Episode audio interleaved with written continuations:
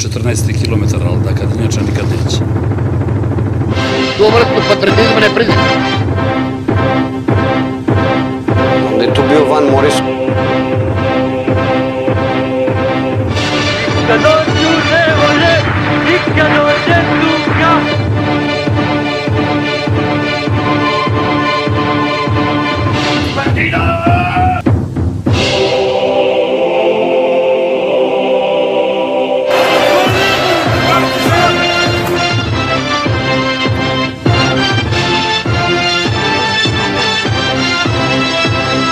To nije patriotizam, to je estetika,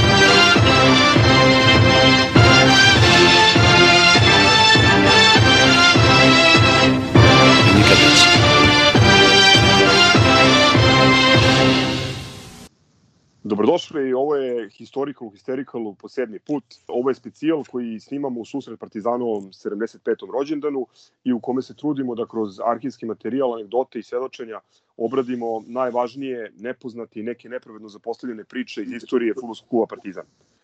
Naši sagovornici su, kao i prethodnih šest epizoda, Aco iz Gro sa vloga Crno-Bela nostalgija. Dobrodošli ljudi. Hvala na pozivu, bolje te našli. Tu smo uvek šta treba. Hvala vam puno. Uh, Ajde, pre nego što se bacimo na prvu polovinu 80-ih, uh, gde je stala naša priča u šestoj epizodi, ako možete da kažete par reči o novom broju istorijske sveske. 12. se bavi drugom polovinom 80-ih, to je nešto što ćemo uraditi, odnosno obraditi u sledećoj epizodi, ali kakve su prve reakcije na, na, na novi almanah? Najnoviji broj koji je izašao pre manje od mesec dana, znači ima možda dve nedelje, ovaj, bavi se, kako si rekao, periodom od sezone 86-7, pa zaključno sa osvojenim kupom protiv Veleža nakon milion godina. Ovaj, I taj je broj onako naišao na opšte oduševljenje, pošto kao konačno to je neki period kojeg se dobar deo navijača i čitalaca ovog fanzina još, još uvek onako dobro sećaju, znaš.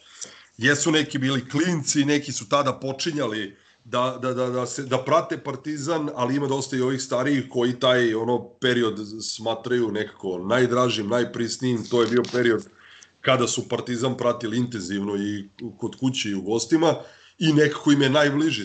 Sva ta imena su poznata, nema nepoznatih igrača, Uh, I to je stvarno bio ono kao moment kad ti iz Zvezde dovodiš njihovog najboljeg uh, futbalera, napadača Đurovskog, kada ti u paketu dolaze sa njim i Katanec i Vokri, mi ta, takva, takav ono transfer u paketu tri uh, igrača mislim da nismo doveli nikada u istoriji kluba u jednom prelaznom roku i njih trojica debituju u prijateljskoj utakmici protiv Dinama iz Zagreba u julu, krajem jula meseca ovaj, 86 gde uh, uprava ne otvori severnu tribinu, nego se 35 do 40 hiljada navijača nagura na preostale tri uh, par dana kasnije, u stvari nedelju dana kasnije, na prvenstvenoj utakmici protiv Spartaka, uh, gde, je, gde su njih trojica i debitovali u, u zvaničnom prvenstvenom meču, Um, takođe je bilo preko 35.000 gledalaca i ono uopšta euforija je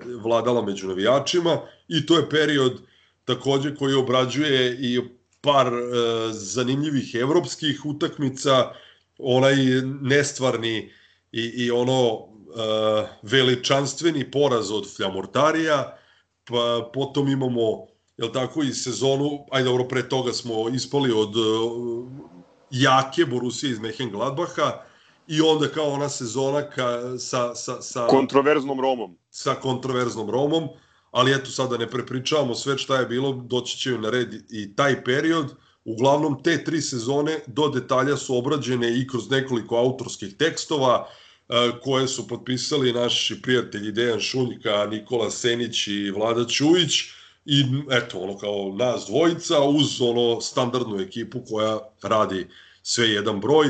Sledeći broj ćemo uh, gledati da završimo znači od 89. pa do raspada Jugoslavije i osvajanja Kupa 92. i neki naš prvobitni plan pre pet godina kada smo krenuli da se bavimo iz objavljivanjem fanzina je bio da tu negde ono kao kažemo ej to je to, obradili smo to što smo hteli i to što je bio zacrtani plan, da li ćemo možda neki specijal uraditi kao što je bila ona um, da kažem katalog brošura ili kako da nazovem povodom izložbe koja je rađena u Parobrodu ovaj, kada su objavljene fotografije koje je Nikola Radulović e, retuširao, farbao, kolorisao, kako to da nazovemo, pa da nešto slično objavimo još koji put možda, ili će biti neki specijal koji će da obuhvati neke najzanimljivije momente iz 90-ih i ona 2000-ih, ali e, eto, pričali smo više puta, Aca i ja, ta prošlost nekako mi ne ide pod, pod ovaj, navodnike historical, jer o tom periodu na netu ima milion podataka, e, video snimaka e, i to mi je sve nekako desilo se juče. E sad, mi smo možda i previše matori, ima klinaca koji Partizan ne pamte iz prošlog veka, jel tako, koji su se rodili pre ono 20 godina, pa je njima e, za njih je historik, ali onaj susret sa Real Madridom, Portom i, i Marseljom u prvoj ligi šampiona, ali ajde, da kažem, ono prvobitna zamisao je bila da obradimo kompletnu istoriju Partizana do 92. i tu ćemo da napravimo nekako da podvučemo crtu i kažemo aha, to je urađeno, ajde vidimo šta dalje, a plan neki dugoročni je da kompletno sve ovaj brojeve hronološki poslažemo i proširimo za taj period od 25-30 godina i da u nekoj ono kao ozbiljnijoj publikaciji to objedinimo. Istovremeno sve ovo o čemu razgovaramo se postepeno postavlja na, na web sajt Crno-Bela nostalgija, je li tako, Aco?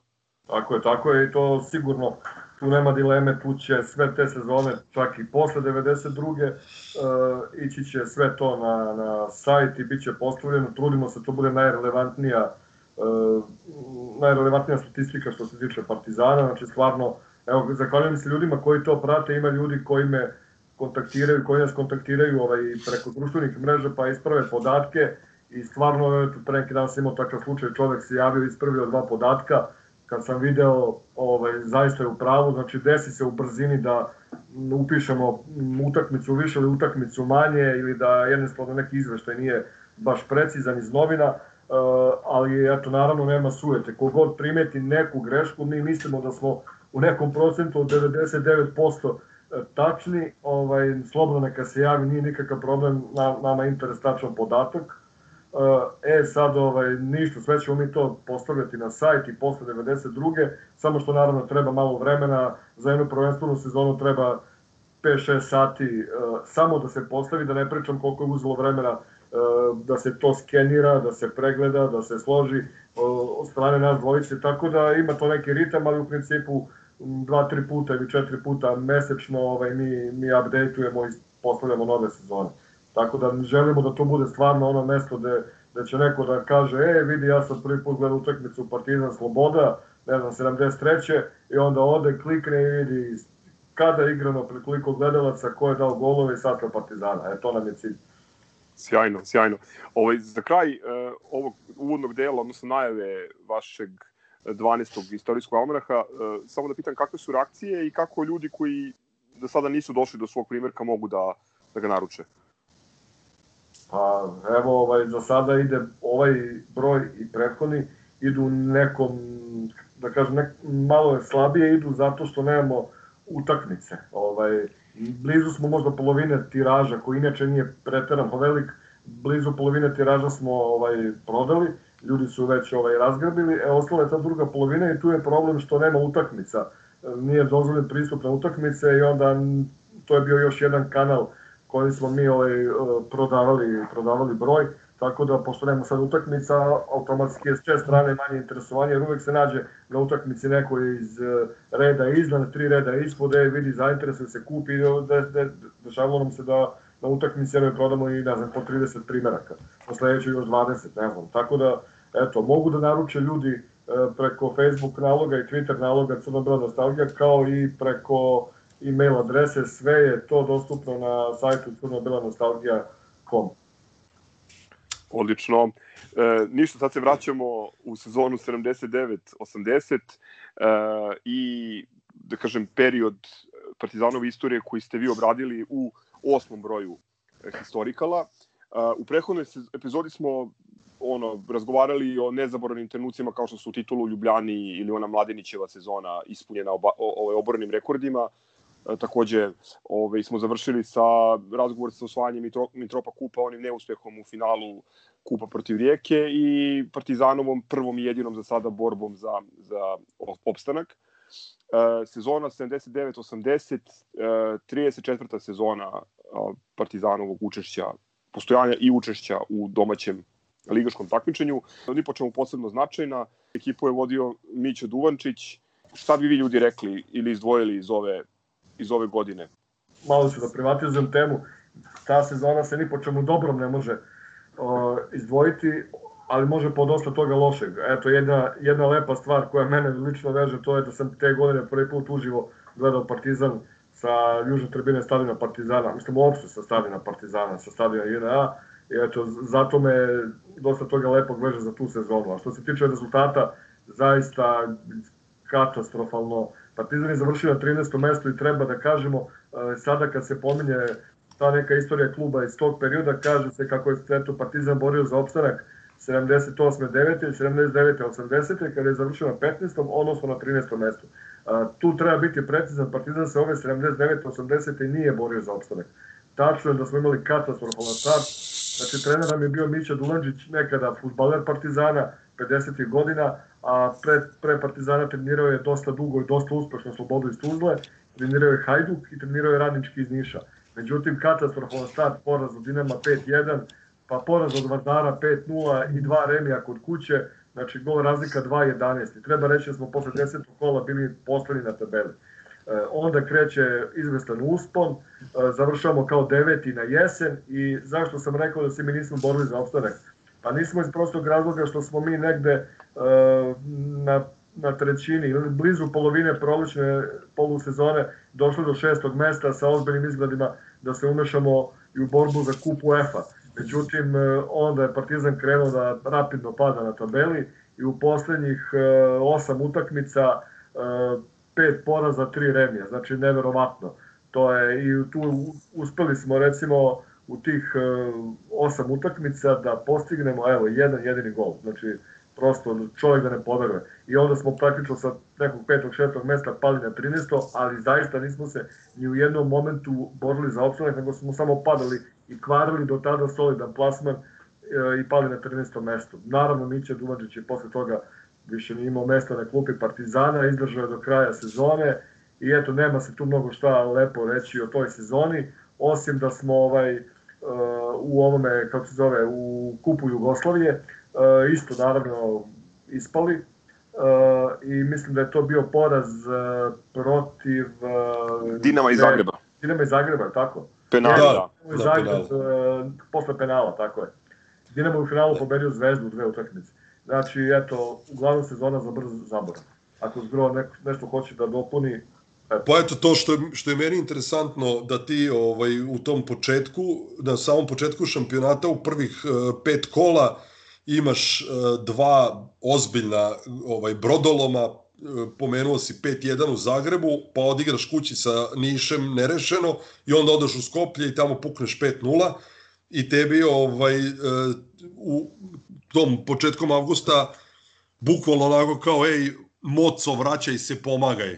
I ključna tačka tog, te jesenje polosezone bio je povratak Moce Vukotića iz Bordova koji je tamo odigrao u Francuskoj samo jednu sezonu i vratio se ovaj u Partizan. Interesantno je da je na toj utakmici protiv Rijeke na stadionu na, na utakmici koja, kad, se, kad je Moca kao po drugi put debitao u crno-belom dresu, uh, bilo preko 25.000 gledalaca i da je prvi gol postigao upravo Moca Vukotić. E, od te utakmice Partizan e, nekako konsoliduje redove i do kraja polosezone smo bili sasvim, da kažem, ok, zadovoljavajući. Šta si spomenuo, Aco, da smo na, ono, završili jesen na petom, šestom mestu ili da. devetom, devetom sa par bodova manje, da sa par bodova manje od, od tog nekog mesta koje vodi ovaj, u Evropu.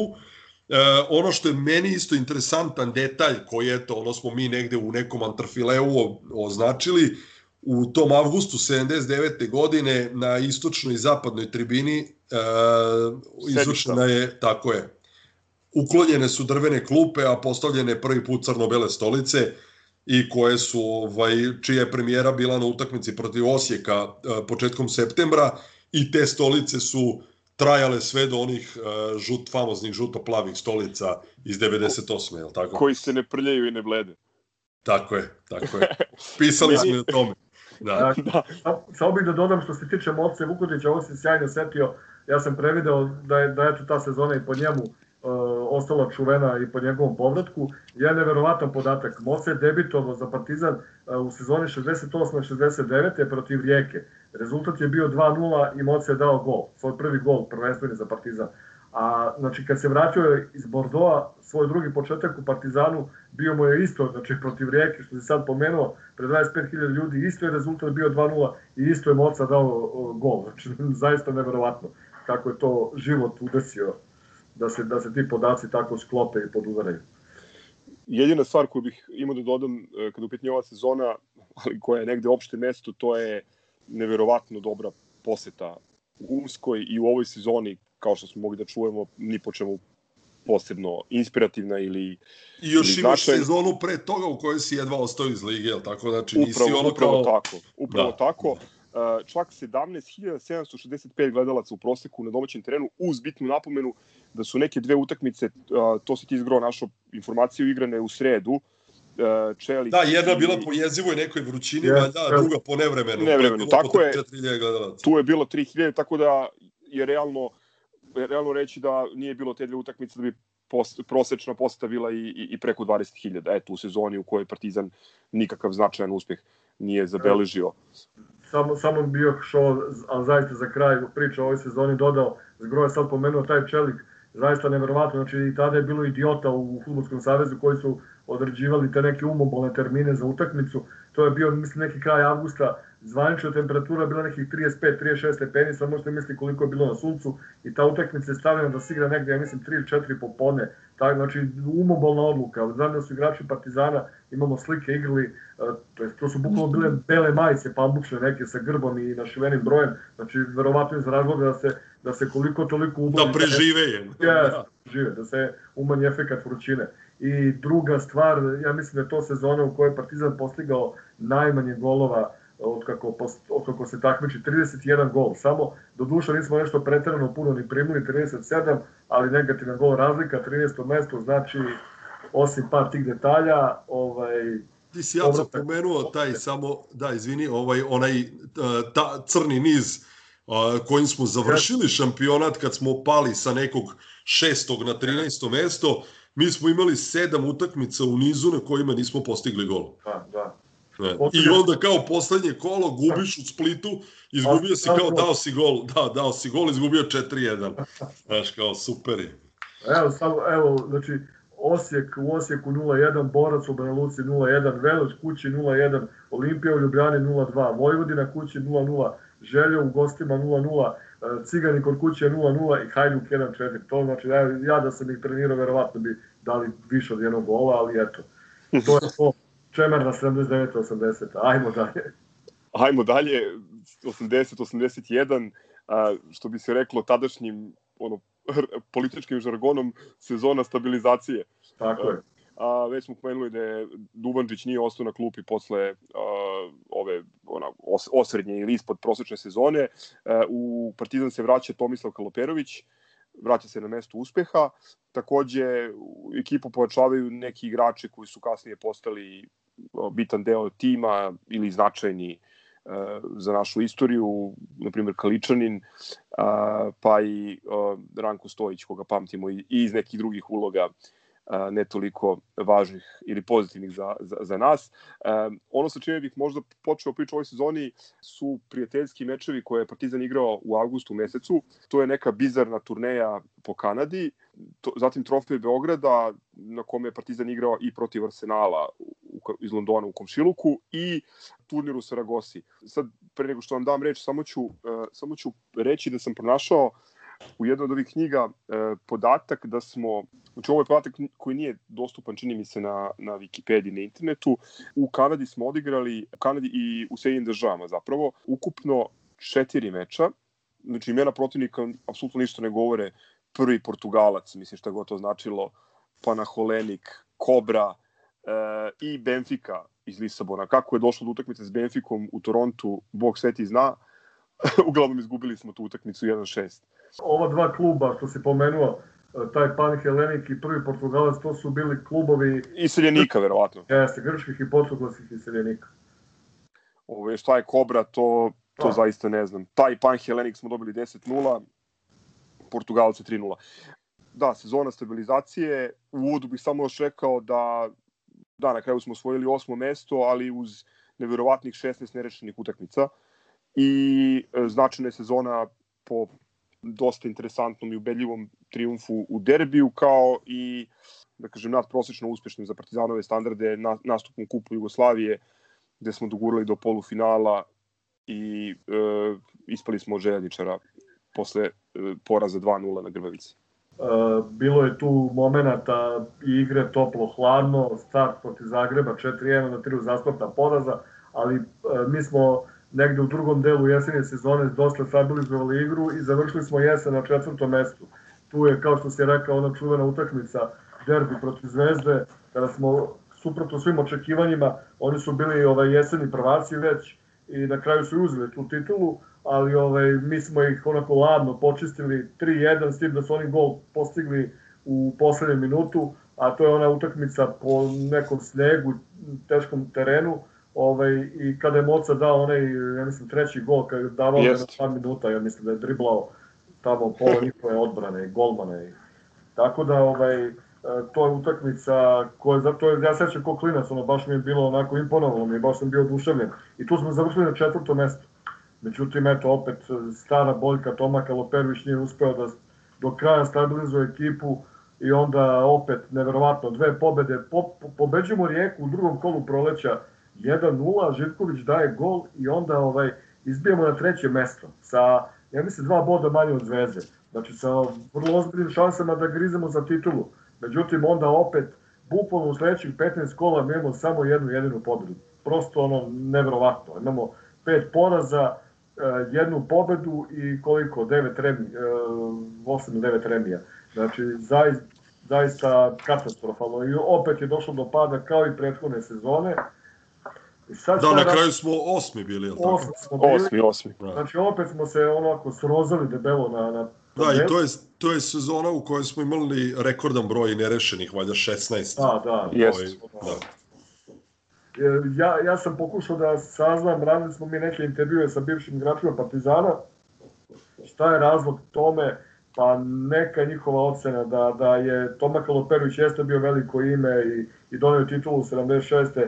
ali da je nekako je insistirao previše na, na, na fizičkoj pripremi, da, da su bili igrači, kako bi se reklo sada, pretrenirani i da jednostavno nisu imali ni svežine i to se jednostavno odrazilo. Ja bih samo ovde dodao za tu sezonu, e, mi smo imali tu poraz od, od Hajduka 0-4 na našem stadionu, zaista ono, jedan od težih poraza protiv njih i redkih do duše.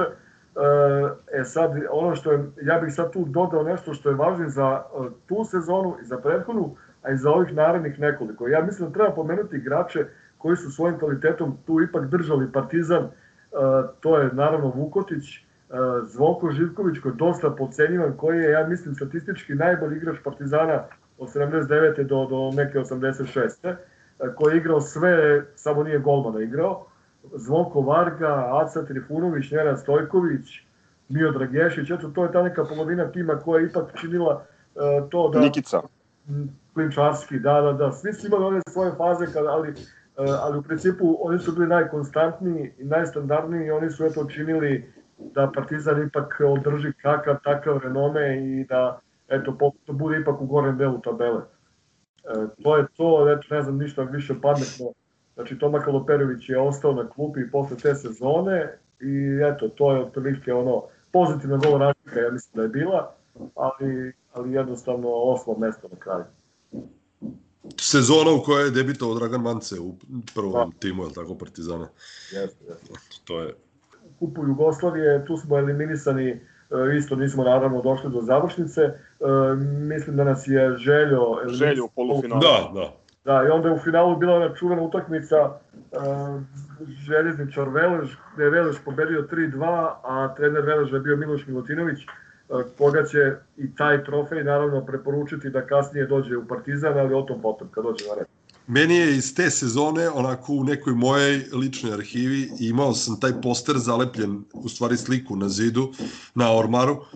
A, uvijek mi je bilo ono kao da li je moguće da su se fotkali i kao zvanična fotografija koju je objavila SN Revija, kasniji sprint, na kojem ono stoji Toma Kaloperović i 10 igrača, fali 11. to je ona čuvena. A fotografija fenomenalna, dobre boje, do, do, Toma u nekoj trenerci dole. Super sve, svi dragi likovi, rekao, čoveče, da li je moguće da, da je fotograf ili da, da, da, da oni nisu primetili da im fali 11.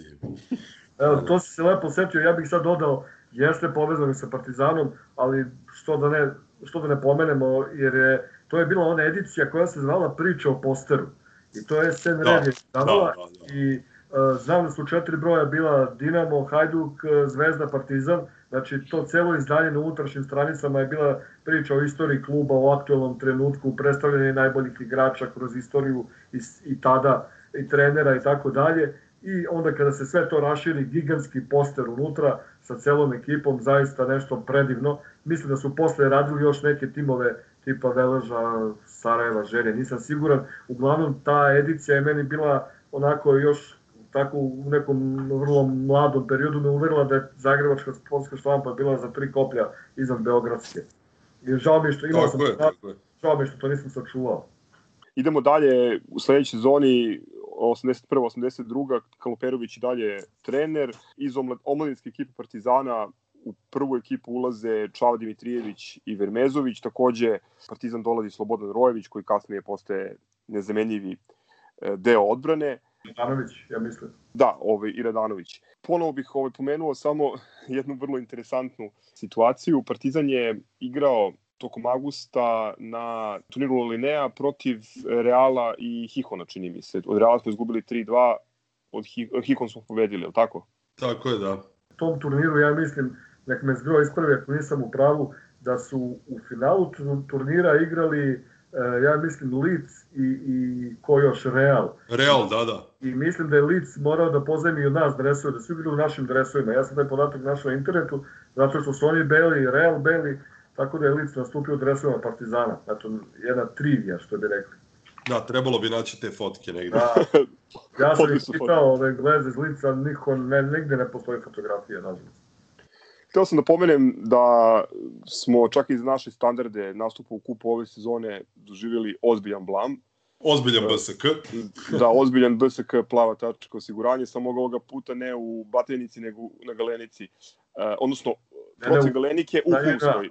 Na JNA, da, pred 15.000 gledalaca 0-2 od drugoligaša Zemunske Galenike i eto, ispadanje u prvom kolu. Da, Bože moj, jel?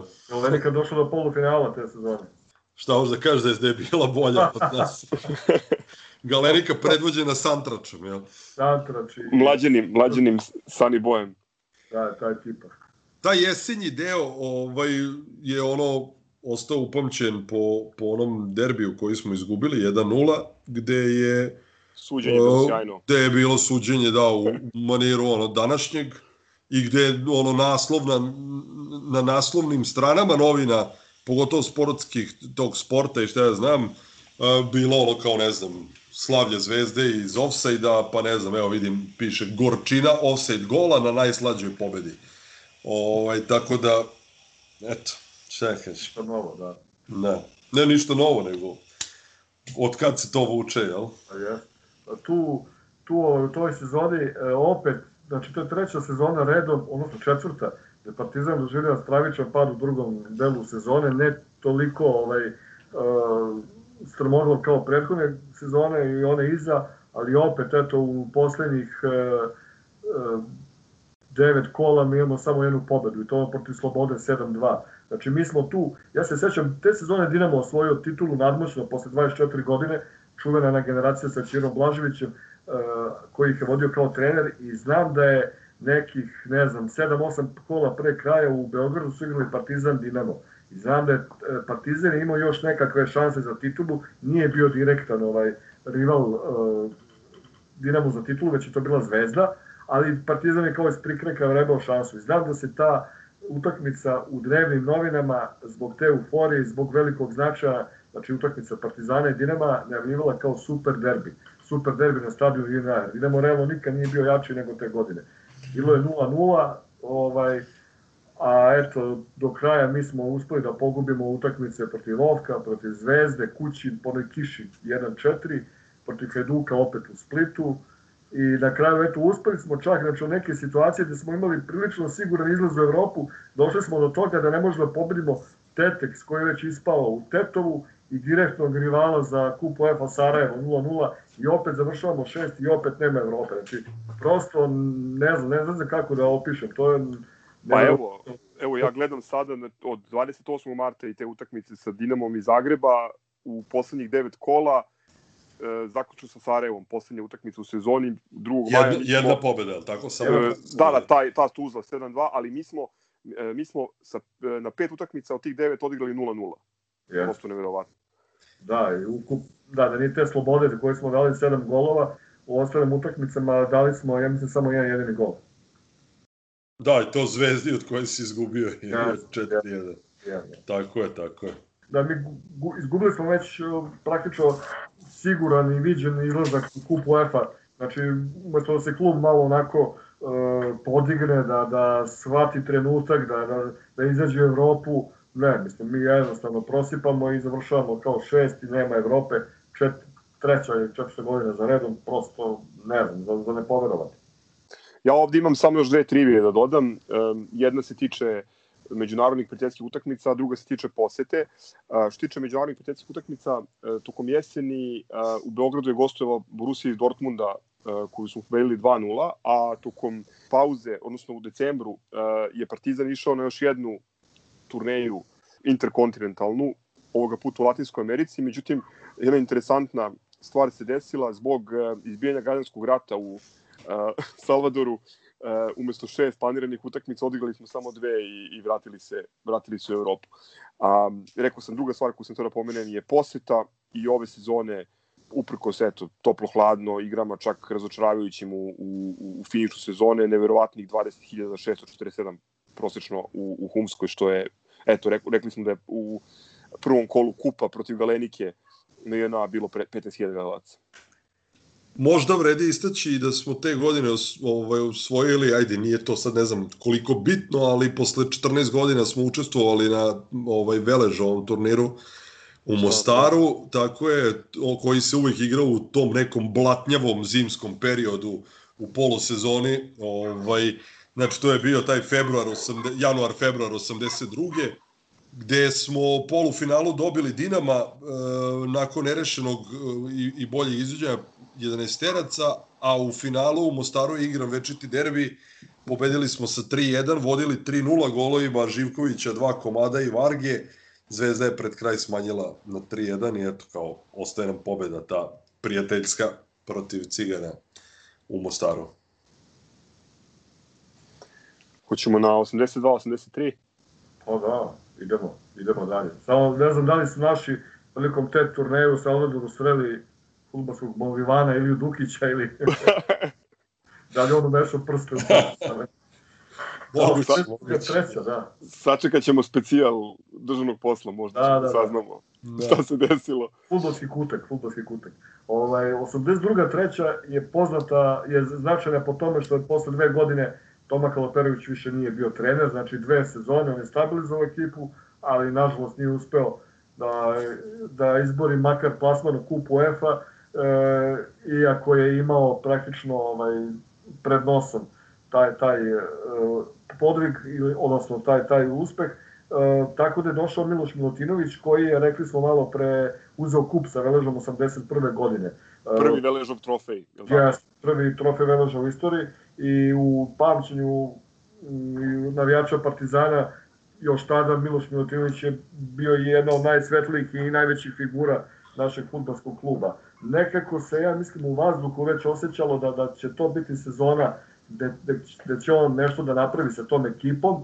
E, jednostavno, oni, svi ti igrači su sazreli manje Da. više bila ista ekipa kao prethodnih godina, ali jednostavno ja sam, baš sam pričao sa Zvonkom Živkovićem i sa Radetom Zaladom, u čemu je bila tajna da je praktično ista ekipa koja je igrala prethodne dve ili tri godine, da je ta ekipa ovaj, sad, ta, sad uzela titulu, oni su rekli da je bio ključ u Milošu Milutinoviću, koji je jednostavno relaksirao ekipu, osvežio je, jednostavno dao im je mašti na volju, dao im je slobodu u igri, dao im je da igraju futbal. Nije ih toliko ubijao treninzima i jednostavno bio je to spoj mladosti iskustva, igrači koji su tu kalili koji su nosili ekipu nekoliko godina, e, Zvonko Živković, e, Zvonko Varga, Dragan Mance, naravno uz ove starije iskusne asove, tu su bili Stojković, Vukotić, Trifunović, e, oni su jednostavno eksplodirali te sezone i ovaj Partizan imao samo dva poraza na jesen. Prvi je bio u drugom kolu od Sarajeva, a posle u četvrtom kolu Partizan izgubio opet u Skoplju, opet 0-5. Ali to je bilo nekih ovako nesrećnih okolnosti da je Partizan promašao penal, onda je ostao bez dva igrača, jedan se povredio, jedan je dobio crveni karton, čini mi se, tako da je katastrofa bila Svih, neizgledna. I svih pet golova smo primili u drugom polovremenu. Yes. Ali već smo vratili u sledećem kolu, uh, pobedili smo 5-0. Ima jedna anegdota, ja mislim da je to, da je to Zavod pričao, da, da su jednostavno kako su bili onako pokunjeni u autobusu u povratku iz Skoplja, uh, da je neko rekao da ljudi pa pobeđujemo sledeću sa 5-0. Da li to bilo, bio Miloš Milocinović? Ne mogu se setiti, u svakom slučaju na sajtu postoji intervju i sa Zaladom i sa Živkovićem, već sledeće kolo ceh je platila Vojvodina, pobedili smo 5-0 uz tri gola Dragana Mancea. To je bila njegova sezona života, nažalost, ubrzo ugašenog. Uh, znači, do kraja sezone, jesenje polusezone, mi nemamo ni jedan poraz, a ono što stvarno treba izdvojiti to je utakmica u Zagrebu, Partizan, Dinamo, znači Dinamo je aktuelni šampion, čuvena generacija, Krančar, Mlinarić, Deverić, Boro Cvetković i tako dalje, e, trener Ćiro Blažević pred, ne znam, 60.000 ljudi, Partizan 4-3 dobija, e, Dinamo vodi čitavu utakmicu, neverovatna utakmica i tu je bilo konačno jasno da Partizan ima tim za titulu. Ja mislim da je to o, možda najbolja i najlepša utakmica u istoriji okršaja Partizana i Dinama i po meni jedna od pet najboljih u istoriji svih susreta velike četvorke. Uh, igrali smo, dobili smo Hajduk 2-0 u meču na INA, to, kojem je prethodio onaj čuveni okršaj uh, kod hotela Palas. Ovaj, sa Zvezdom smo igrali 1-1, tako što smo ispustili pobedu na njenom stadionu. Uglavnom završavamo polusezonu kao prvi. Eto, zgro, ako hoćeš da dodaš nešto za tu jesenju polusezonu. Ne možemo da ne spomenemo da je u svim opet novinama sa tog derbija po, 7. novembra 82. Zvezda Partizan 1-1, gde smo na polu vremenu vodili golom Mance, a Zvezda izjednačila preko Jovina, da si ovaj, imao onako školski primer penala koji nije sviran nad Mocom Vukotićem, da, su, da je ono u, u troje novina objavljena fotografija gde ovaj Rajković vuši, ruši Vukotića i otprilike onako ima baš potpis pod sliku ako koza laže ne laže rog kao ako ovo nije bio penal onda ne znamo šta je penal. Ovaj, ali dobro, eto, bože moj, navikli smo, ali tako bili, da, da, da je to jednostavno nešto što je, računaš da će da te pokradu, pa sad kao guraš dalje. Meni šta je za tu sezonu, uh, pošto sam je znao na pamet kao klinac, sve te utakmice upisivao ručno, onako još uvek neveštim rukopisom, e, znao u kojoj minuti je koji igrač zamenjen. E, na kraju te sezone Partizan se oprašta od e, proizvođača sportske opreme Sport, u stvari na kraju te godine kalendarske, Godine, da. jer od, jel tako, jer od, od, od 83. prelazimo i potpisujemo sa Adidasom.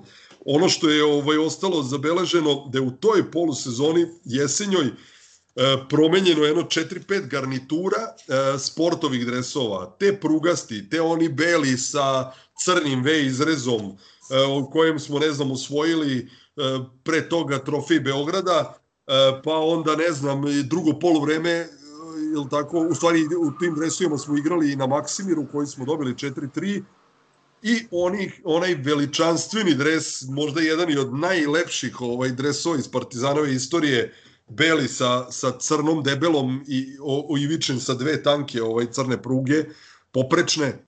Jel tako, u tom dresu sportovom smo odigrali, nešto smo uspeli da prebrojimo, šest i po utakmica, uh, tih i po to, jel, e, mislim da da, protiv Dinama smo jedno polovreme tako je igrali u tom dresu, a onda zbog blata ili kako već dres bio prljav, pa si ih zamenio i obuko one čisto bele. E, dakle, ukupno šest i po utakmica i igrao si valjda dve u kupu i znaš kao taj dres eto, koji si nosio svega nekoliko puta ostaje u srcima navijača kao jedan od ono legendarnih dresova i koji bi, ja sam mislim, sad potpisali da ono neko kaže, e, uradit ćemo repliku toga da bude zvanična bela varijanta ili ne znam šta, da bi, da bi ono, mahom svi prihvatili. Ovaj, I to, eto, kažem, što kaže Aca, jesenji prvaci smo bili, nama je do tada bilo da uslov da budemo šampioni, da obavezno moramo biti jesenji prvaci, znači nikada pre toga nismo bili prvi to je sve bilo tamo do, do Stanojevića, je tako? Da, da nikada nismo bili šampioni ukoliko nismo ovaj, bili i jesenji prvaci. Proleće smo počeli veoma loše, poraz u Osijeku 0-1, pa poraz, poraz protiv Sarajeva na, na našem stadionu u Istvu 0-1. Ja sećam te utakmice, gledao sam je uživo, ja ne znam da sam ikada gledao uh, da golman tako brani golman Sarajeva Janjuš, on je branio kao, kao drogiran, znači on je desetku dobio u novinama, jedino je takvu partiju na našem stadionu, a da se ja sećam ponovio onaj zloglasni Bodo Rudvalajt godinu dana kasnije, da. nekoliko meseci kasnije. Ovaj, Bukvalno drogiran. Je nevjerovatno, da, taj je definitivno. Janjuš je činio čuda i na kraju Bobo Božović je dao neki lob, uh, uputio lob udarac, Sarajevo pobedilo 1-0, ali uh, ipak malo vratili smo se u kolosek, utakmica koja je opet prelomila e, prvenstvo, to je e, Partizan Dinamo 2-2 na stadionu Crvene zvezde, e, gde je bio rekordan broj gledalaca i to zaista mora u tri rečenice da se pomene. Partizan Dinamo, znači zbog sleta na našem stadionu, čuveni poznati slet za dan mladosti, utakmica igra na stadionu Crvene zvezde i onda ovaj, uh, zvanično je poseta bila 75.792 navijača sa prodatim kartama. Ali imajte u vidu tu i one uh, ulaznice pretplatne, sezonske, one pionirske članske karte, pa koliko opet navijača uđe kao prijatelji kluba besplatno. Znači neka procena je da tu bilo između 80 i 90 hiljada gledalaca. Uh, taj broj mogao da bude još veći da RTS nije prekršio dogovor E, bio je dogovor između Partizana i RTS-a, odnosno tadašnjeg TV Beograda, da se pusti drugo poluvreme e, direktno. I kada se i suprotno dogovoru televizija je objavila taj e, dogovor na dan utakmice negde u jedan sat i tako je sprečila još sigurno nekoliko hiljada ljudi da dođu na stadion. Pogotovo što je išla priča da su karte rasprodate, da, da ih nema da. više. Da. I onda su brojni ljudi koji su ono kao i razmišljali, kao ići ću, pa ću gledati, naći ću, snaći ću se, uzet ću tapkoraša, ostali kod kuće, ali, bože moj, oni su najavili direktan TV prenos.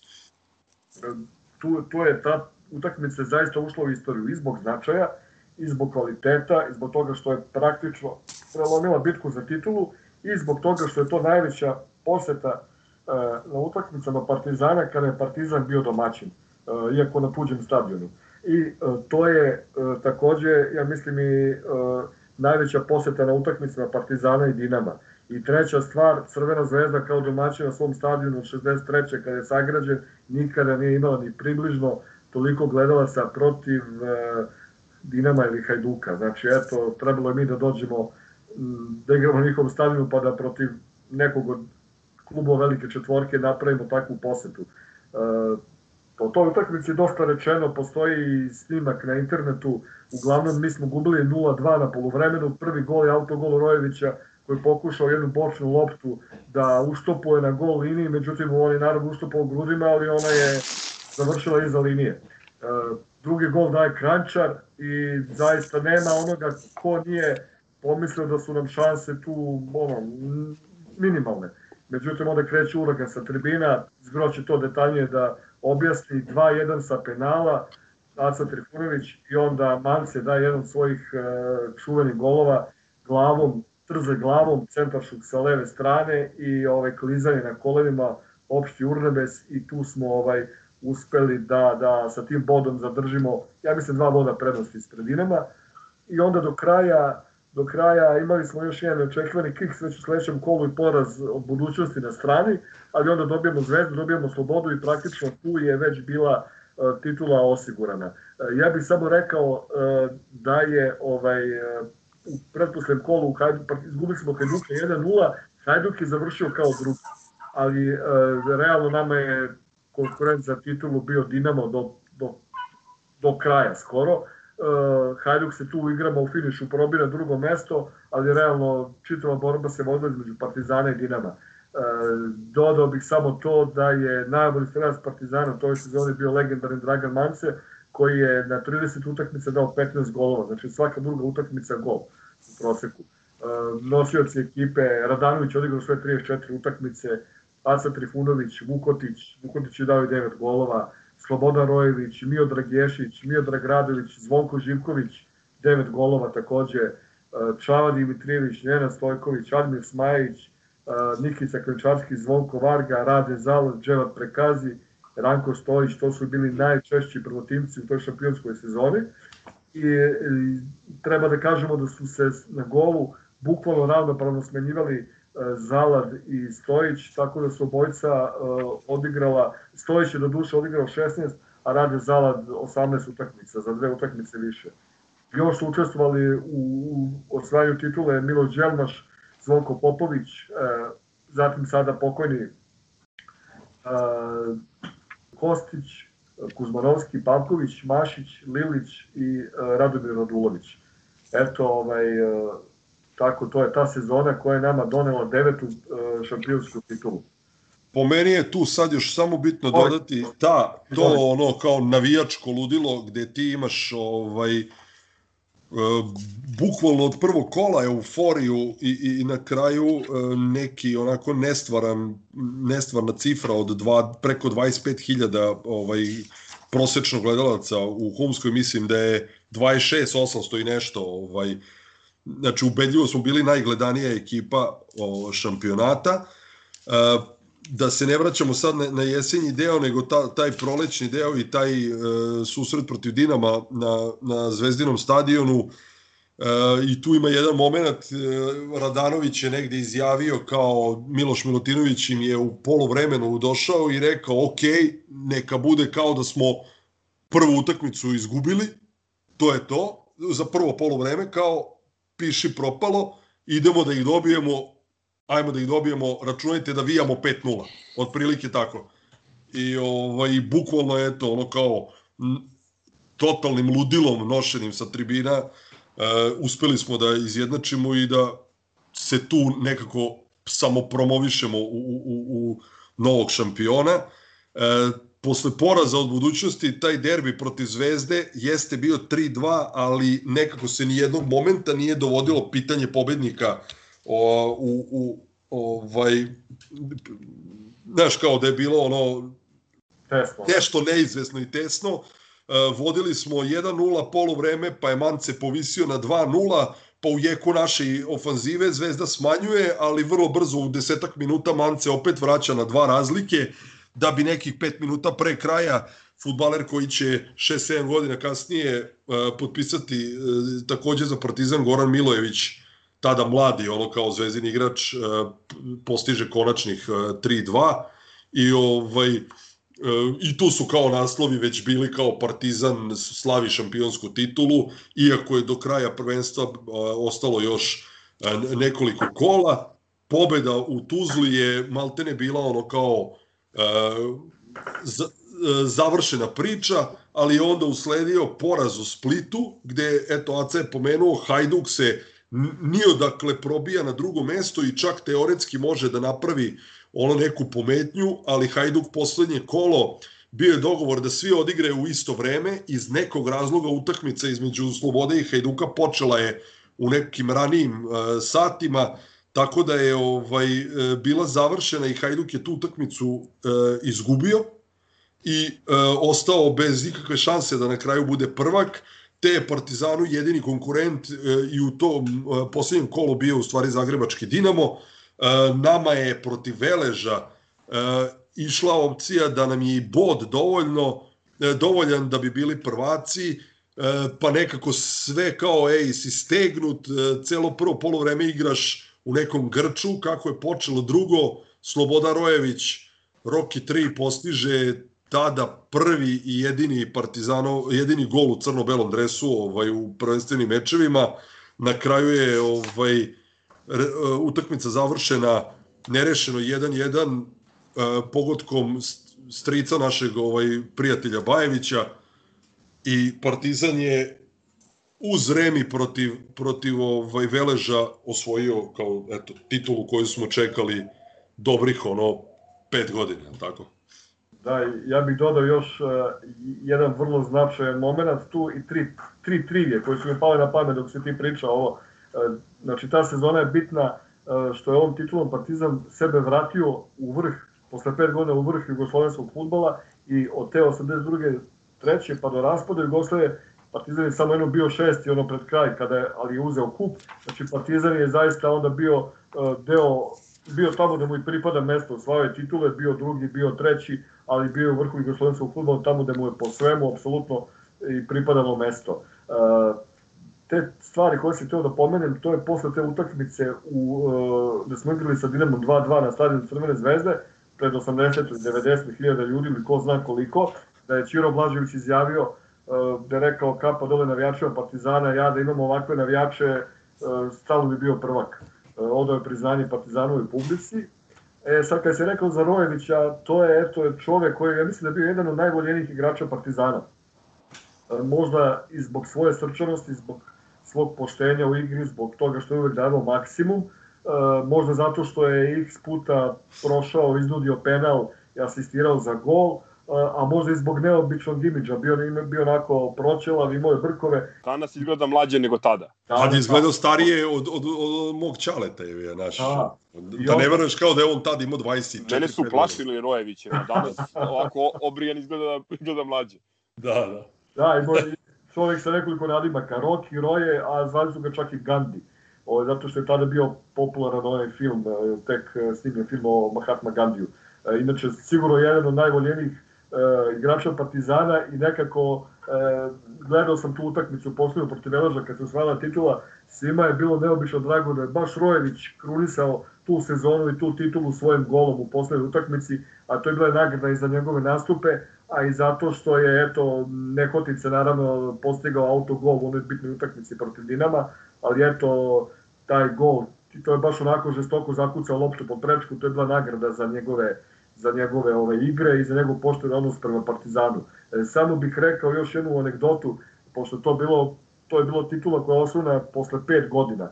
Ja sam kao klinac otišao sa drugarom iz ulice da gledam utakmicu i znalo se, mislim, Partizan osvoja titulu posle pet godina i tada je Kop praktično bio na ovom delu sada da je istok, ovaj do juga.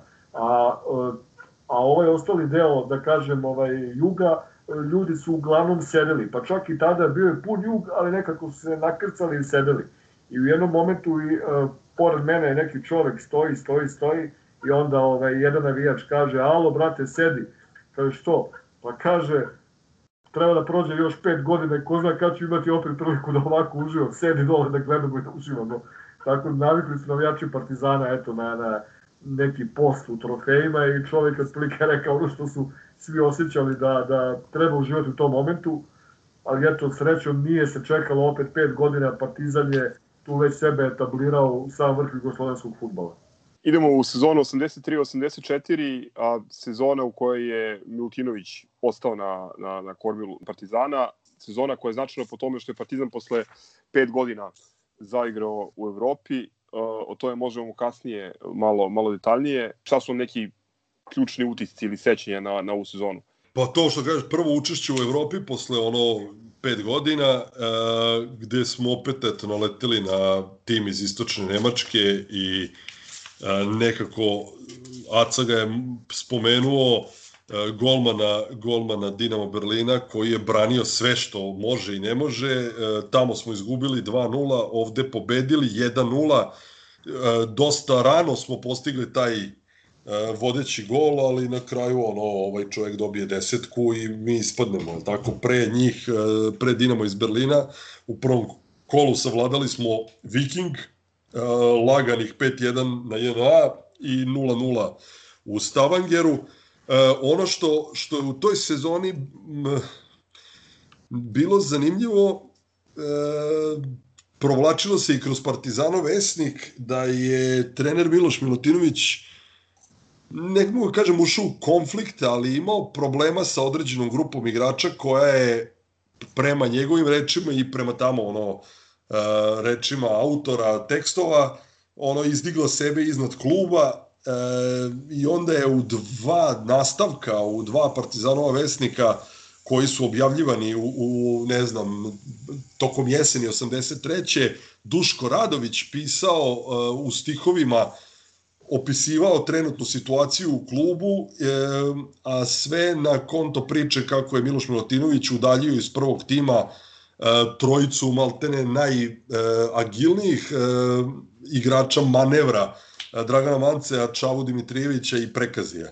I onda je u stihovima Duška Radovića, iako niko nije bio imenovan, jasna je aluzija bila da se e, te pesme odnose obe na, na, na, na, na tu trojicu futbolera. E, mi smo u toj sezoni odigrali dva ružna večita derbija koja su oba završena 0-0, čak je bila ovaj priča da je nešto ono kao i kao ej dogovorili se da igraju bez golova, što je meni onako totalno suludo.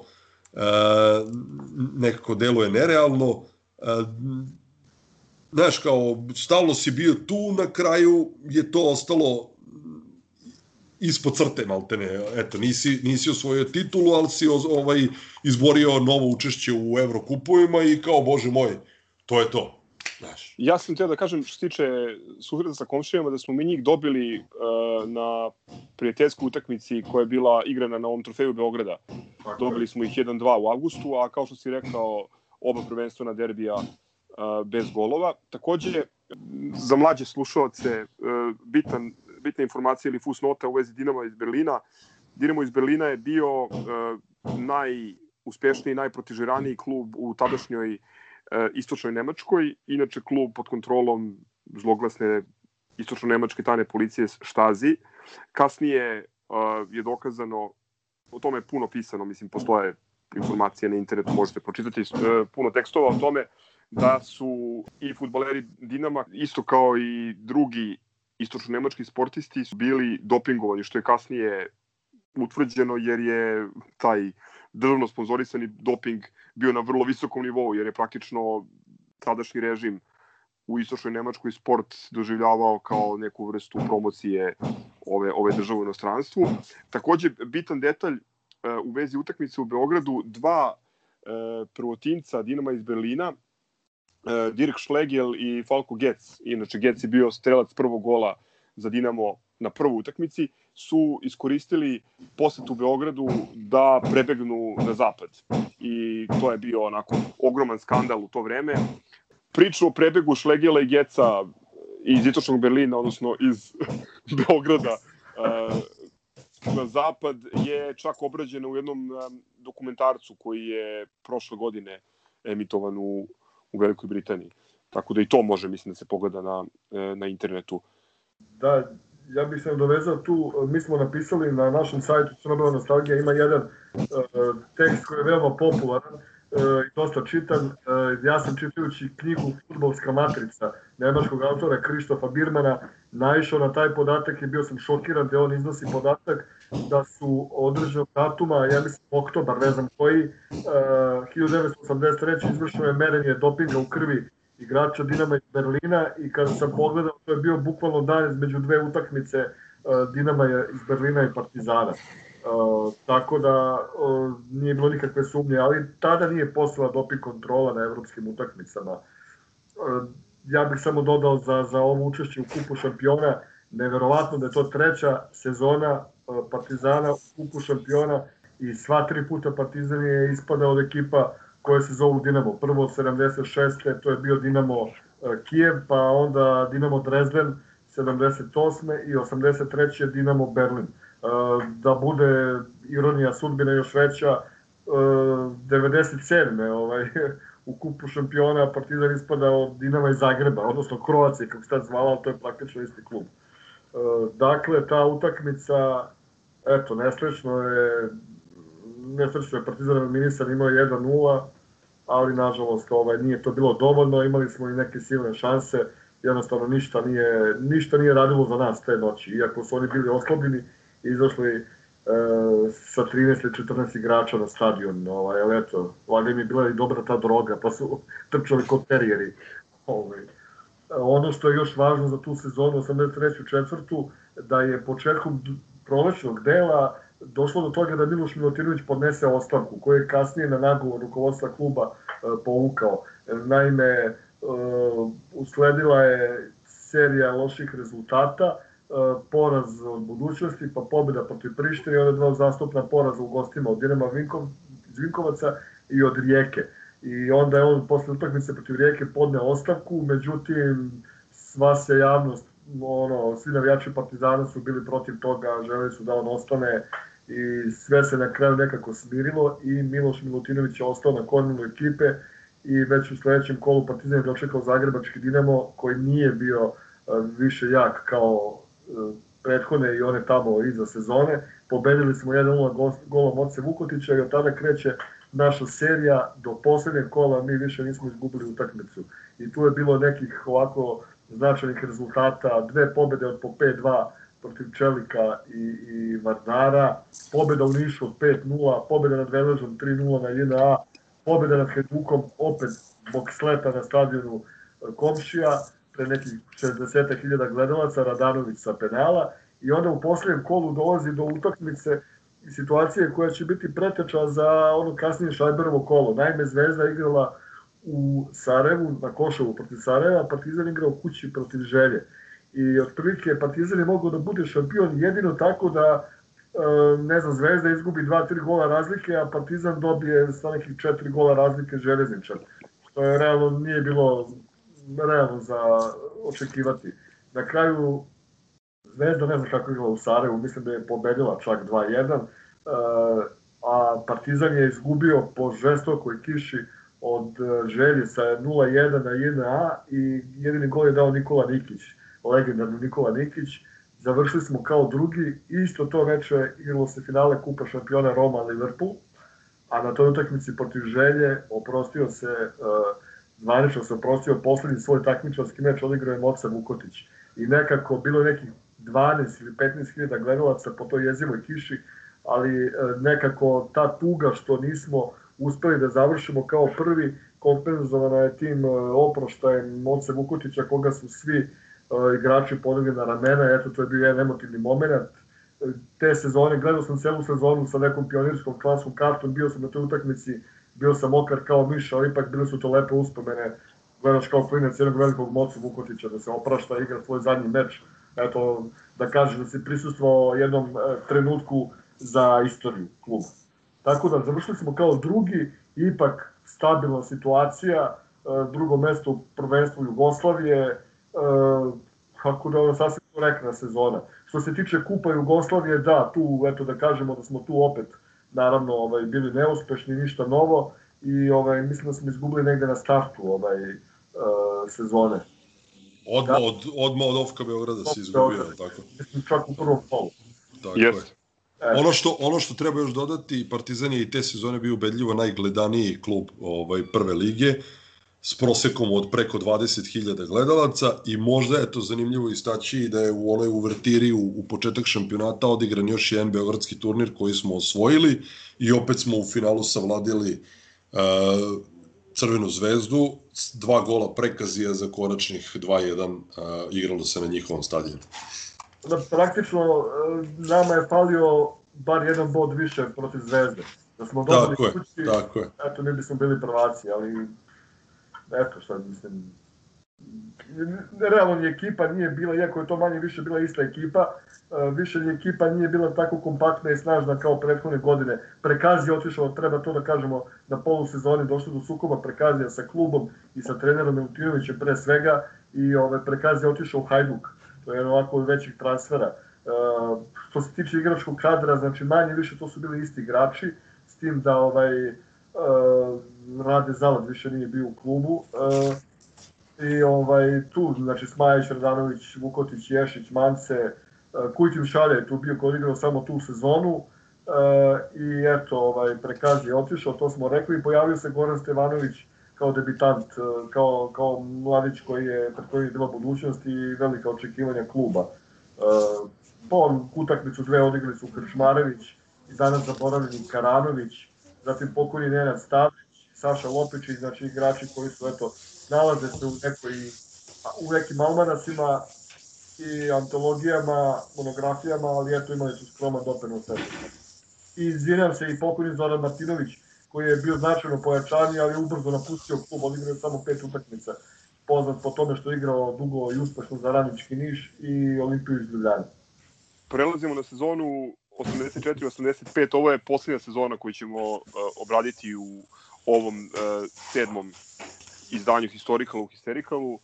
Kao što ste rekli, uoči ove sezone Miloš Mutinović, odnosno njegova pozicija u klubu uh, nije bila sasvim jasna. On je u avgustu mesecu definitivno pustio Partizan, nasledio ga je prvi pomoćnik, ali velika legenda našeg kluba u tom trenutku, Nenad Djeković koji se vratio iz, iz Francuske i postao član stručnog štaba.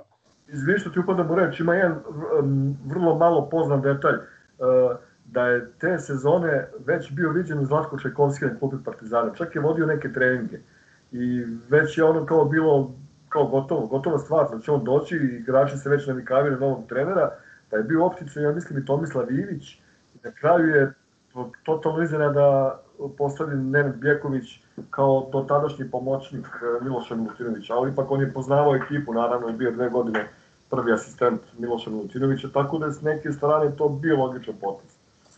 Htio sam da kažem da su neke nove snage stupile na scenu, pre svih golman Omerović koji je došao iz Slobode iz Tuzle, zatim rezervni golman Belojević, Uške Vučićević je došao iz OF Beograda, Marjanović iz Rijeke, Jovica Kolb iz Galenike i tako dalje. Ova sezona je možda ostala najviše upamćena po nastupu Partizana uh, u kupu UEFA i posebno po uh, onom neverovatnom preokretu protiv Queen's Parka u domeču protiv Queen's Parka kao i nesrećnom porazu protiv Videotona u, u Mađarskoj koji je, da kažem, stigao na naplatu evo pre koliko, pre tri godine. Hoćemo da. pre Evrope malo ovaj, o šampionatu i e, prvoj ligi koji je Partizan završio na trećem mestu. Može, Partizan je tu ono bio možda pre, pre sezone glavni kandidat za titulu, a, došlo je do smene na golu, a, Ranko Stojić je otišao u Dinamo. I to je zaista naišlo na veliki bes. Podijum. Da, kod navijača Partizana. Slučaj je hteo da u prvom kolu novog prvenstva Partizan igra protiv Dinama i to je bilo 90 minuta prozivanja, da ne kažem vređaja Ranka Stojića. Partizan je pobedio 2-0 golovima Ješića i Varge, a u sledećem kolu u Splitu odigrana je jedna od najboljih utakmica Partizana Keduka. 3-3 je završeno, Partizan je vodio e, do finiša utakmice sa 3-2, e, zaista je jedan, jedan pravi ovaj spektakl na poljudu e, i ovaj ono što je Partizanu te sezone najviše škodilo to su ove utakmice kod kuće da je Partizan zaista imao nekoliko remija to pazite sad Vojvodina 0-0 Osijek 1-1 Iskra, Iskra. 0-0, znači kući Rijeka, 1-1 kod kuće, e, pa onda Ranički Niš 2-2 kod kuće Sutjeska, 1-1 kod kuće, neverovatno. Ovaj, ali šta je bitno, pre nego što krenemo da pričamo o tim legendarnim evropskim utakmicama, posebno Queen's Park Rangers, da kažemo da je četiri dana posle Queen's Park Rangersa Partizan je igrao protiv Zvezde, znači 11. novembra 84. pobedili smo ih 2-1, i poslali smo ih na poslednje mesto. To je bilo takva euforija, to, to nije bilo normalno. Znači u, dve, u četiri dana dobijaš dve tako bitne utakmice, pošalješ ih na poslednje mesto. To je utakmica kada je Mance dao onaj, onaj fenomenalan go, uh, skok uh, i šut glavom onako sa zadrškom nekom. E, drugi gol je dao Zvonko Varga i ovaj, Crvena zvezda je pala na poslednje mesto posle tog meča treniraju gde Gojko Zec. Uh, ipak do kraja, do kraja ovaj, jeseni mi gubimo katastrofalno zadnjem kolu od želje, koje je tada te sezone došao u finale, u polufinale Kupa UEFA. E, tako, ti remi su nam otprilike pobedili smo Sarajevo sa 1-0 koji će postati e, šampion države na kraju. Otprilike ta pobeda protiv Zvezde bila je poslednja svetla tačka te jeseni. Na proleće opet Šareno, tu je poraz od Dinama 0-2 po snegu u Maksimiru, pa opet po snegu u Beogradu 4-1 do- dobijamo Hajduk, e, gde su blistali Mance Živković i Milonja Đuhić. E, I onda tako, pobeda, poraz, pobeda, poraz, uglavnom e, gubimo i od Zvezde na njenom stadionu i e, na kraju mi završavamo pobedom protiv Želje, mi završavamo kao treći. Sarajevo uzima titulu posle, ja mislim, 18 godina. Željo je igrao polufinale Kupa UEFA, uh, a mislim da je ovaj, tu Rijeka dosta dobro igrala. Uglavnom, mi smo završili na trećem mestu ispred Crvene zvezde koja je bila četvrta i ovaj, praktično ako, ako se po nečemu pominju te sezone, to su te utakmice u kupu UEFA. Uh, prvo smo pobedili Rabat Ajax sa Malte u dve utakmice, onako 2-0, 2-0 dosta ležerno i opušteno i onda neka zgro uzme reč, ja ću ga kasnije dopuniti u vezi Queen's Park Rangersa. I video sam na kasnije. Pa sve si rekao. Pa nisi, nisam za Rangers. Pa šta ima da tome se priča, znaju svi. Ovaj, pa ništa, eto, pobedili smo Rabat Ajax i izvukli Engleze. Engleze, e, što gaš, klub sa ostrava uvek je atraktivan bez obzira kako se on zvao. Queen's Park Rangers je te godine uh, igrao kupu EFA, a pošto je njihov Loftus Road imao plastičnu travu, tada to nije bilo dozvoljeno, oni su kao domaćini igrali na Arsenalovom Hajberiju, tako da su nas u prvoj toj utakmici uh, u Londonu dočekali na stadionu Arsenala, ne na svom. Uh, ta utakmica je ono bila kao neverovatno kao fenomenalan početak Partizana gde ti e, daješ dva gola, daju Klinčarski i Mance, onaj jedan od najlepših golova ikad viđenih, da je postigao neki futbaler sa ovih prostora, ono nešto sa 25-30 metara za kucavanje u rašlje i da onda dozvoliš uh, onakav fijasko uh, da, da uspeš da primiš pet golova, a mogo si ih još primiti i kao gubiš 6-2 od ekipe koja nije bolja od tebe, koja je eto, na neku euforiju i na to ono englesko ludilo, upao si u njihovu mašinu i kao, znaš, ono je kao da si gledao u to vreme da igraju u Queen's Park Rangers i Watford, to je bilo to, znaš, kao da li će ovi pobediti 6-2 ili oni, bože moj, bitno je da ima golova. Ovaj, ali je nekako m, su mi kasnije sad ono, u ovom periodu kad sam čitao izjave igrača Partizana nakon tog brodoloma u, u, u, u Londonu, svi su oni bili nekako manje više sigurni da mogu da prođu. Jer nikoga Queen's Park Rangers nije ubedio da je baš za četiri gola kvalitetniji, odnosno da tako kako su oni dali šest tamo, a primili dva, da isto mi nećemo moći dati im 4-5 komada ovaj, na našem stadionu i pogotovo u atmosferi koju ovaj, su u to vreme pravili navijači Partizana i koja je e, tada je ono bilo najnormalnije da posle 6-2 ti bude krcato na stadion i dva sata pre početka utakmice. E, još je poznato da Queen's Park Rangers nije ono, ne znam, klub koji može da se pohvali ne znam koliko velikim brojem navijača kod kuće i da je tu prvu utakmicu u Londonu nije naišla na ne znam kakav odziv, da li sad i to ima veze što se igralo, što se nije igralo na njihovom stadionu nego na Arsenalovom, pa je toj prvoj utakmici prisustvovalo ispod 10.000 gledalaca i onda se... Tako? Kako kažeš? Kiša neka je padala, čini. Kiša, naravno, pa tamo je ono... U, u, kako kažeš, u to vreme bila i magla i kiša redovni, to se sad ono vreme promenilo od onda ovaj, mnogo, ali jednostavno desilo se da te ono se, jel 7. novembar beše 1984. Stadion je bio ono sat vremena pre utakmice pun kao kutija šibica i bukvalno se kao da se osetilo u vazduhu da, da, da, da će se desiti nešto, nešto lepo. Uh, starteri su bili uh, Čava Dimitrijević, koji nije počeo utakmicu u ovome, kako se zove, u Londonu i šta je zanimljivo, uh, uprava kluba je uradila taj potez da je povukla iz vojske Zvonka Živkovića, u stvari on je par dana ranije skinuo, skinuo SMB uniformu i kao neki adut se pojavio kao džoker da, da bi mogao da, da ovaj da on bude taj koji bi kao eto mogao da prelomi.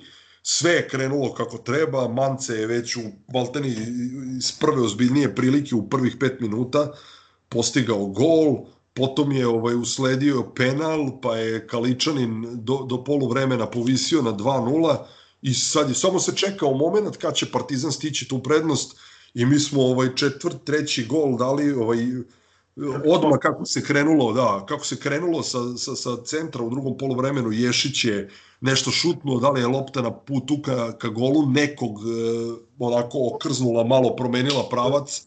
Odskočili, da, ispred golmana, onda ga nekako udrale u grudi, bukvalno dobila fevu s neki preletala ga. Da, nešto, ne, neki onako čudan ulazak ja. lopte u mrežu. I na kraju kao ovaj Zvonko Živković, koji je uh, već u 62. trećem minutu postigao četvrti gol za, za Partizan. Ti si, znači, pola sata pre utakmice imao nadoknađenih onih, onih ovaj 2-6 iz Londona. Tako da, ovaj, na kraju Partizan to prolazi, što kaže, klasičan taj neki engleski League 1 ili League, League, u stvari Division 1, Division 2 meč iz tih 80, ono zlatnih 80-ih I ovaj, ta utakmica je ušla u onako u, u anale i u mnogi futbolu. Tako je, ovaj UEFA je rangirao u sad ne znam tačno koliko, da li top 20 najvećih preokreta. Ne, ne, ne, to je tre, treći ili četvrti preokret u istoriji ovaj evropskih klubskih takmičenja, a izabrana je, ja mislim, na Eurosportu među 70 ili 100 najboljih evropskih utakmica u smislu ovih evropskih klubovskih kupova i međunarodnih susreta, ne mislim na, na utakmice u okviru jednog, jedne države. Tako da, i gol Dragana Mancea u Londonu, onaj, onaj legendarni je proglašen, ja mislim, tamo za gol meseca na Ostrvu. Tako je. Ono što je onako još interesantno, da su mahom i jugoslovenski i engl, britanski mediji svi onako kao bitan faktor isticali Partizanovu publiku, da je Steinrod, koji je ta, u to vreme bio uh, najbolji igrač Queen's Park Rangersa i, i povremeni reprezentativac Engleske, istakao ono kao u nekoj izjavi posle da mu je kao ono tri dana zvonilo u ušima od, od ovaj huka sa tribina i od ono neverovatne podrške i kaže da je naslutio na onom ispitivanju terena kada je igrači na sat i po dva pre početka utakmice izađu u odelima čisto da osete atmosferu i da izađu na travu kada je, kaže, osetio se strah u, u, u, u licima mlađih saigrača, nije mirisalo na dobro, kao ono sve, sve je slutilo da ćemo doživjeti brodolom. I to, to, je, se... čak, to je čak i njihov menadžer, ovaj, Alan Mallory, ovaj, istakao mislimo dosta je dosta je pisano u Britaniji o toj utakmici. Mislim čak jednom prilikom da je on izjavio da uh, je QPR eliminisan 40 minuta pre početka utakmice jer je video ovaj pod nikada nije video publiku koja je u stanju toliko energije da stvori i usmeri ka igralištu i drugo nije video nije mogu da veruje koliko su se njegovi mladi igrači preplašili i koliko zapravo nisu znali šta, šta da rade. Inače, interesantan podatak je da je Maleri preuzeo uh, kormilo QPR-a od Terry Venablesa koji je e, pre ove sezone otišao od, u Barcelonu. Inače, kao što, kao što je Zgro pomenuo u nekom trenutku, QPR je svega dve, dve sezone ranije igrao u staroj diviziji 2, odnosno uh, u današnjem čempionšipu. Um, tako da ovaj, daleko od toga da su oni bili neki, neki velikan, ali osim Steinroda koji je već pomenut, imali su još nekoliko povremenih reprezentativaca Engleske i nisu bili da li, uh, ja su bili treći, su bili treći prethodne sezone u Engleskoj? Uh, mislim da su bili peti. peti. Mislim da su bili, mislim da su bili peti, peti a, a, sezonu, a, da, a sezonu pre toga su ušli iz um, stare, ovaj, iz starog Division 2. Dule, ja bih samo rekao dve stvari koje bi eto ja želeo da istaknem e, u vezi dva igrača, a vezano za Queen's Park Rangers, to je onaj gol Dragana Mancija, možda, ja kažem, svi su golovi, svi ti lepi golovi su lepi na svoj način, ali možda za nijansu i meni je taj gol najlepši možda koji sam ikada video, da je Partizan dao Slažem se. ovaj, zato što ne zato čak ni što je to 25 metara ili koliko već, ne zato što je to topovski šut, već jednostavno mene oduševljava to futbolsko razmišljanje Dragana Mancija u momentu, znači ono, ono baš u, udarac, što kažu u glavu, znači nema tu filozofije, nema tu čekanja, nego bukvalno daje sebi čovek pas i on je drop kick, znači tu nema razmišljanja, tu se ide, tu baš onako gladijatorski ka golu i zato mi je taj, taj gol toliko drag, osim što je veoma lep. Takav gol bi jedino možda mogo Mitrović da da danas. Pa, da, recimo, recimo, ono, bez, beskompromisno u svakom pogledu. A druga stvar, iako je revanš znači, odigran savršeno, golovi su padali baš tada kada je trebalo, početak utakmice, kraj polovremena, početak drugog polovremena i onda sredina drugog polovremena. Cijela ekipa odigrala fenomenalno. Ja bih istakao ipak za nijansu Zvonka Živkovića, jer čovjek došao iz vojske, kao što ste već rekli, i jednostavno on je možda bio taj tas na vagi koji je, koji je Gleza šokirao. Na kraju bio neki naslov u novinama da se kaže da je vozač džipa sahranio Rangerse, tako nešto, ili pregazio Rangerse u glavi, zato što on, to mu je bilo ovaj, zanimanje u JNA, vozač džipa. Ovaj, tako da ovaj, tu, tu stvari došlo do izražaja ta njegova, uh, taj njegov kvalitet i to njegovo višegodišnje iskustvo taloženo tih prethodnih sezone, čovjek je na svežinu odigrao fenomenalnu utakmicu i stigao čak da se upiše u strelce i da postigne taj gol koji nas je odveo u sledeće kolo. A u sledećem kolu crni tonovi. klasičan ono partizan, A, da. pod, podcenjivački, ovaj, ne znam kako drugačije to, uh, znaš, kao kad ti napraviš takav preokret protiv Engleza i onda te dočeka Videoton koji u tom momentu nije, jesu oni imali uh, ekipu sastavljenu od mađarskih reprezentativaca, ovaj, ono kao braća Disla i ne znam ko još tamo, ali mi je neverovatno da ti onako toliko ležerno uđeš u taj prvi meč protiv, protiv ovaj, Mađara tamo da da ovaj dopustiš sebi takav luksuz, znaš kao da im nije dovoljan nauk bio taj London kao je primio si šest komada, aj da ne primim više od tri, pa kao, znaš, nemam pojma, sad lupam. Ali Ako si je, išao na tu, na tu loptu kao, ej, daću gol više, znaš, pa nećeš uvijek dati šest, ovaj četiri ili pet, razumeš, znači, ne znam šta da kažem. ali izvini, ovaj, upravo, si, upravo si lepo rekao, najveći problem je bilo podcenjivanje, odnosno to što uh, smo mi posle pobede, odnosno ovog preokreta neverovatnog protiv Queen's Parka, verovatno razmišljali šta ovi Mađari, sa njima ćemo vrlo lako i imamo, radili smo ove neke intervjue i razgovarali smo sa učesnicima tog dvomeča. Mi smo, ako se ne varam, posle utakmice u Vinkovcima putovali prvi put autobusom direktno u Mađarsku, klubskim autobusom, igrači su išli u shopping, kupovali su salamander cipele i ne znam, kristal i tako dalje. Uh, Maltene je polurekreativno shvaćen, shvaćen protivnik koji nas je uhvatio na, na brzaka i, i, i pobedio nas. Mislim, jedan od najtežih poraza u istoriji kluba. Pomenuo si braću Distel, mislim da su imali još jednog reprezentativca, inače ti ljudi su igrali za Mađarsku na mundijalu u, u Meksiku 86. godine.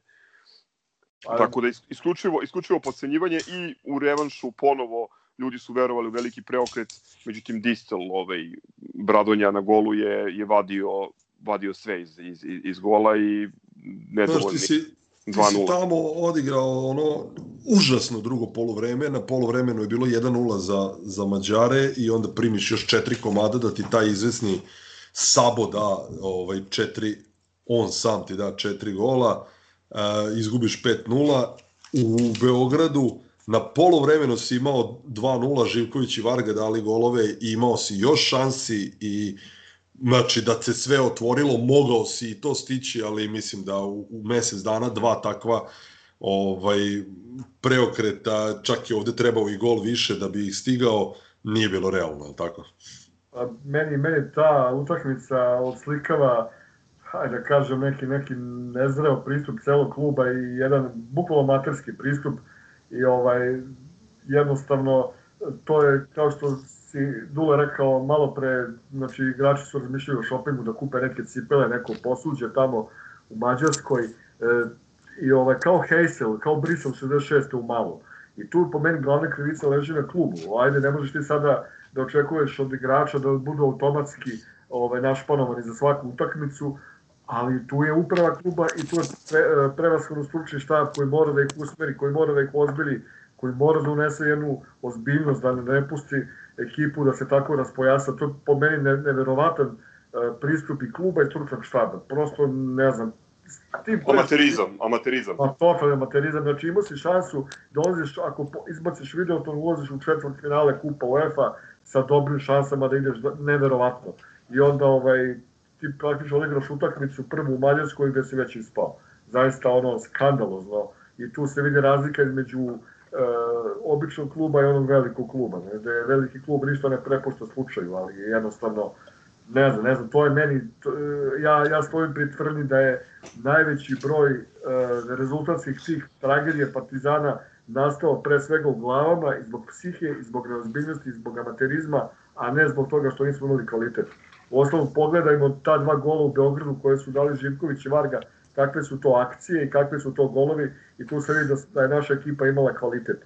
Ne podcenim naravno Videoton koji je došao do finala, ali hoću da kažem da tih 0-5 zaista nije bio realan odnos snaga, ali jednostavno kad uđe voda u uši i kad uđe panika u odbranu, to je gotovo, mislim. Tako da to je stvarno ono bilo, eto, ovaj, neverovatno, da, da ti primiš 11 golova na dve utakmice, to, to, I to protiv ekipa koje nisu ono kao Da, evropski da, da. vrh, jel tako? to nije Bayern, nije Arsenal, ne znam, Liverpool, Real. Ali eto, tu smo, tu smo ovaj, bili eliminisani i eto, ovaj, nismo uspeli da dočekamo proleće u Evropi i Videoton je odigrao posle utakmicu, ajde to da podmenemo, iako se ne radi o Partizanu, ali u toj utakmici učestvovao jedan ovaj, e, budući u tom periodu Partizanov igra. Na Čaplića misliš? Tako je, Čaplić koji je igrao protiv Videotona 3-1 za Mađare tamo u Seke Švehervaru, a na Grbavici 2-0 za Želju i u 3 minuta pre kraja primaju gol i na kraju moraju da se zadovolje e, time da ostaju e, da bivaju eliminisani u polufinalu, Videoton ide u final, igra protiv Real Madrida. Eto, znači, uspeli su da dođu do finala, s te strane nije sramota bilo što su nas eliminisali, eliminisali, ali naravno ne na takav način, to je zaista bilo previše. Uglavnom mi završavamo mi završavamo tu sezonu, rekli smo već na trećem mestu u domaćem prvenstvu, uh, a u kupu gubimo od Zvezde uh, 0-2 na našem stadionu i to je bila utakmica veoma, veoma posvećena, nekoliko hiljada ljudi ostalo ispred kapija stadiona Partizana, igralo se sredom, oni su nas ovako rutinski pobedili, prosto nevjerovatno, ovaj, da, mislim da su čak bili slabiji te sezone od nas, pa da, bili su četvrti na kraju, a mi smo tako ladno izgubili njih da, kao, kao da smo igrali, ne znam, protiv, protiv Videotona. ovaj, tako da te sezone je Sarajevo uzelo titulu, uh, Željo je dominirao u Evropi, Partizan je završio kao treći, eto, ovaj, ostaje u vrhu jugoslovenskog futbala, ali eto, kao, neka, kao neko večito sećanje ostaju te utakmice protiv uh, Queen's Parka i Videotona. Predlažem da ovde završimo sedmu epizodu serijala Historical u Hystericalu. U sledećoj emisiji, osim e, detalja koje ste pokrili u već pomenutom Almanahu broj 12, imaćemo uh, i prvu Šajberovu sezonu, jako interesantan period i, i puno velikih obrta. Tu će biti izvini materijala da se ovako malo osvetli druga strana, tako da bit će zanimljivo, ja se nadam. Pa da, posebno s ove vremenske instance mislim da je mnogo više izvora otvoreno da. i, i dostupno i, i neke stvari mogu realnije da se sagledaju. Kao, na primer, uh, ove, ova priča o futbolerima Dinama iz Berlina i, na primer, dopingu ili, ili njihovom bekstvu. Sada znamo mnogo više nego što su možda ljudi znali u vreme kada se, kada se to se dešavalo. Ljudi, hvala vam puno Nema na čemu. i ovoga puta na, na svim ono komentarima i na, na, na fenomenalnim ono podacima iz istorije Partizana. Hvala vam na svemu što radite. Nema na čemu. Hvala tebi na pozivu, hvala ljudima koji nas slušaju, koji naručuju fanzin, hvala i onima koji će tek naručiti, nadamo se. Tako da, eto, tu smo i sarađujemo i dalje. Pozdrav svima. Pozdravljam i ja, eto, uvijek je lepo pričati o Partizanu, tako. Bravo, tako je. Nekad nije lako, ali uvek lepo. Aj, čao. Ciao. Ciao.